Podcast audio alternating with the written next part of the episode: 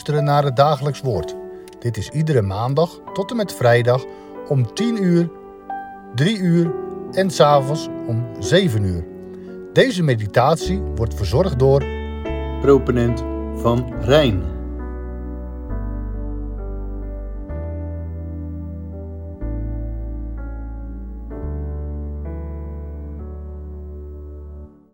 Beste luisteraars, vandaag lezen we verder in Psalm 42. We overdenken de versen 5 tot en met 8, maar ik lees met u samen vanaf het eerste vers. En daar lezen we het woord van God als volgt. Zoals een hert schreeuwt naar de waterstromen, zo schreeuwt mijn ziel tot u, o God.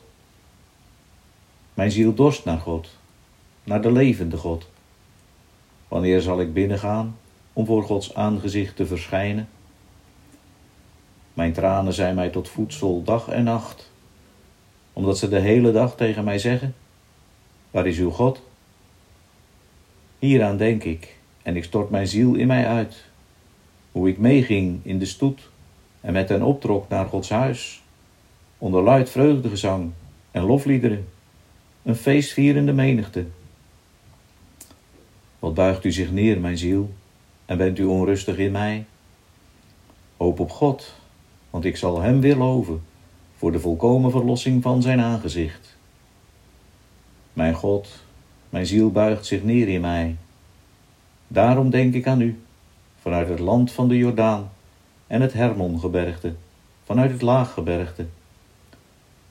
Watervloed roept tot watervloed, terwijl uw waterkolken bruisen al uw baren en uw golven zijn over mij heen gegaan. Broeders en zusters in Christus. Tja, de ziel van de dichter heeft het moeilijk. Hij zit in de put. En de vragen in eigen leven, die stapelen zich op. Hij spreekt het verlangen uit naar de levende God. Maar waar is hij? En de mensen om hem heen? Ze vragen het ook aan hem. Waar is uw God? En met die vraag is hij ook vandaag bezig. Dan denkt hij terug. Ja, hij herinnert zich het maar al te goed. Ja, herinneringen aan vroegere tijden. Wie heeft die niet, zou ik zo denken? U en ik, ja toch? Uw en jou en mijn levensboek? Nee, dat is nog niet uit. Maar er zijn al wel heel wat hoofdstukken voorbij. En dan? Oh ja, dan mijmer je toch wel eens soms.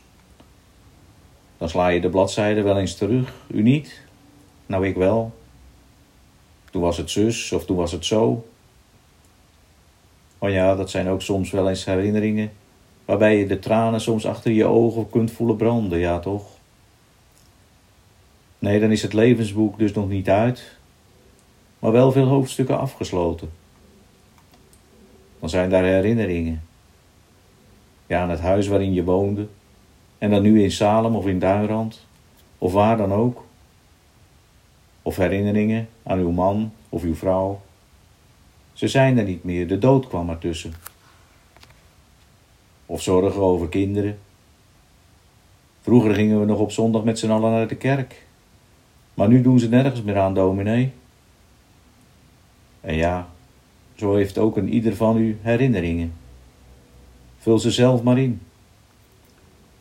Nee, dat gebeurt niet alleen maar bij oude mensen. Ook jij kunt zo je herinneringen hebben aan vroeger tijden.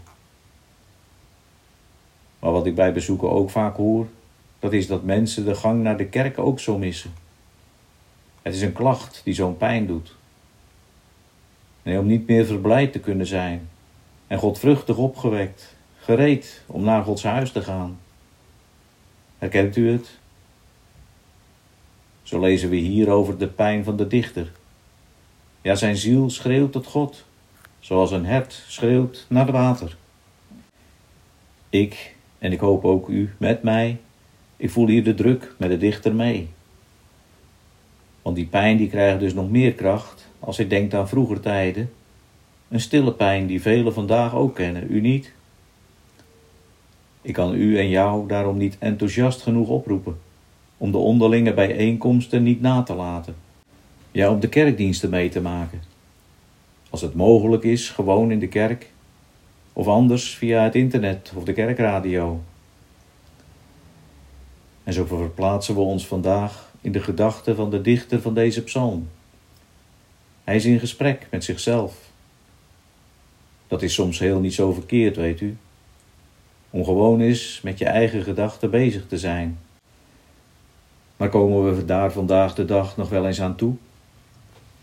Want ja, wat worden we in deze tijd niet opgejaagd door de agenda's en allerlei mobiele informatie? Gewoon jezelf eens een keer wat vragen stellen. Want er zijn best wel dingen om jezelf eens te bevragen, toch? Wel, de dichter ligt met zichzelf overhoop.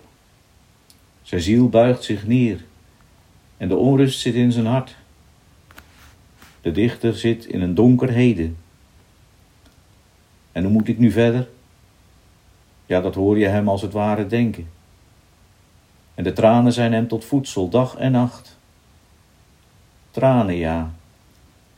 Tranen die velen van u wel kennen, denk ik. Of misschien jij ook wel. Tranen bij de vragen waarom. Of heren, waar bent u? En als je dan aan vroeger denkt, dan denk je misschien wel aan die mooie tijd die er was. En zeker ook aan de tijd toen de Heer zo, zo dichtbij was. Maar nu? En als de dichter dan zijn ziel uitstort, dan laat hij de vrije loop aan zijn herinneringen. En dan brengt hij alles wat hij aan zorg en verdriet in zijn binnenste voelt bij God. Broeders en zusters, pijn, zorg en verdriet, dat zijn toch voor velen van u geen onbekende dingen? Voor mij in ieder geval niet. Maar dan vraag ik het maar. Waar brengt u, of waar brengt jou dit dan? Waar gaan we er dan mee naartoe? Proberen we er dan maar wat van te maken? Poets je jezelf dan maar wat op?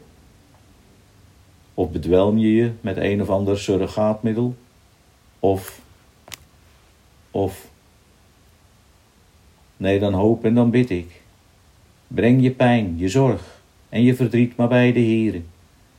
Want dat is wat deze dichter ook doet. Oh ja, hij heeft het moeilijk. Dat blijkt ook nog wel uit vers 7 en 8. Maar daartussenin, daar staat aan het einde van vers 6 toch zijn hoop.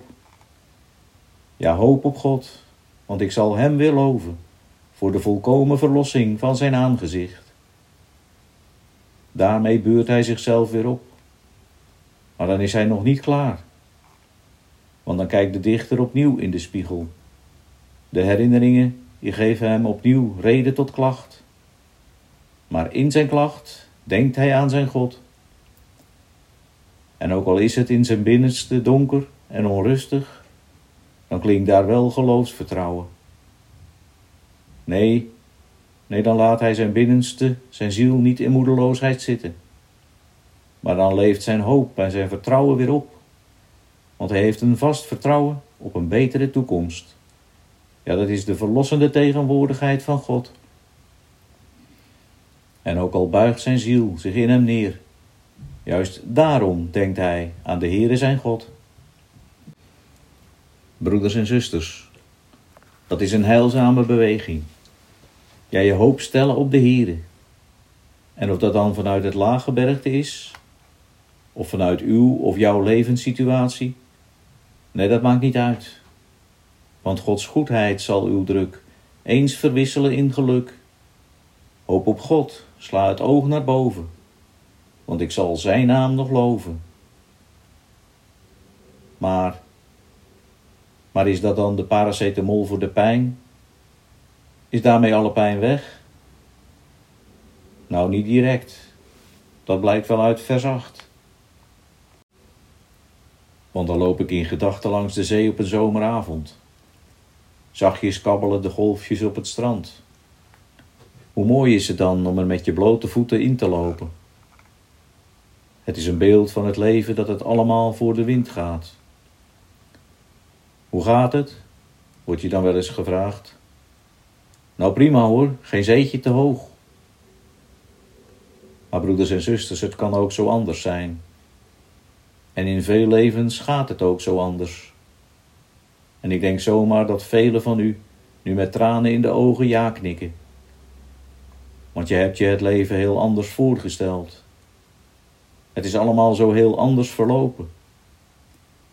Of het loopt misschien nu wel, op 24 oktober 2023, zo heel anders dan je had gedacht, verwacht, vermoed en gehoopt. Want ga dan maar eens langs de zee lopen als het windkracht 10 is of zwaarder. Wij kennen hier de kracht van het water. Denk nog maar eens aan 1953. We hebben het in februari nog herdacht. En ook als je de beelden ziet, bijvoorbeeld vanuit India, aan het begin van deze maand, ja, dan merk je de kracht van het water. Wel zoiets tekent ook dit achtste vers. Watervloed en bruisende waterkolken. Dan snap je ook het beeld hier. Al uw golven, al uw baren zijn over mij heen gegaan. Voelt u de pijn? Broeders en zusters, misschien wel een gebeuren dat u zelf heeft meegemaakt. Of misschien waar u of jij nu wel middenin zit. Dan heb je misschien geen uitzicht meer. Maar dat is voor de dichter geen uitpunt. Want dan volgt er Gode zij dank in het volgende vers een maar. En dat zal morgen een vervolg krijgen. Ik hoop, ik hoop dat u nieuwsgierig bent. Maar van nu wens ik u de zegen van God toe, in uw en jouw situatie. Maar vooral ook de hoop en het vertrouwen op de Heere. Amen. We willen de Heere nog danken. Ja, Heere, wat kan het donker zijn in het leven van een mens, maar ook in het leven van een kind van u. Jawel, zo donker dat je dreigt onder te gaan in de watervloed. Golven beuken dan tegen het levensschip. Maar dan worden we vandaag toch ook vertroost. Want kijkend om ons heen is er misschien geen hoop en geen uitzicht meer. Maar dan worden we gewezen op de weg omhoog. Want dan is onze hulp alleen van de Heere. Ja, op u vest ik het oog. En dan roepen we u niet vruchteloos aan. Want dan weten en dan geloven we dat u ons in al onze tegenheden niet zal versmaan. Ja, dat u onze gebeden hoort. Trouwe Vader in de hemel, zo danken we u voor uw woord dat ook vandaag weer mag klinken op zoveel plaatsen. Maar dan bidden we u ook voor vandaag. Wilt u zijn met een ieder, waar we ons ook bevinden. En helpt u daar waar dat nodig is. Geeft u alstublieft ook vrede in het wereldgebeuren. En kon het zijn ook een wederkeer tot u. Heer, we vragen u om uw bewarende hand en om uw zegen in alles. En dat doen we niet omdat we daar enig recht op hebben, maar dat mogen en kunnen we doen, enkel en alleen uit genade, om Jezus wil. Amen.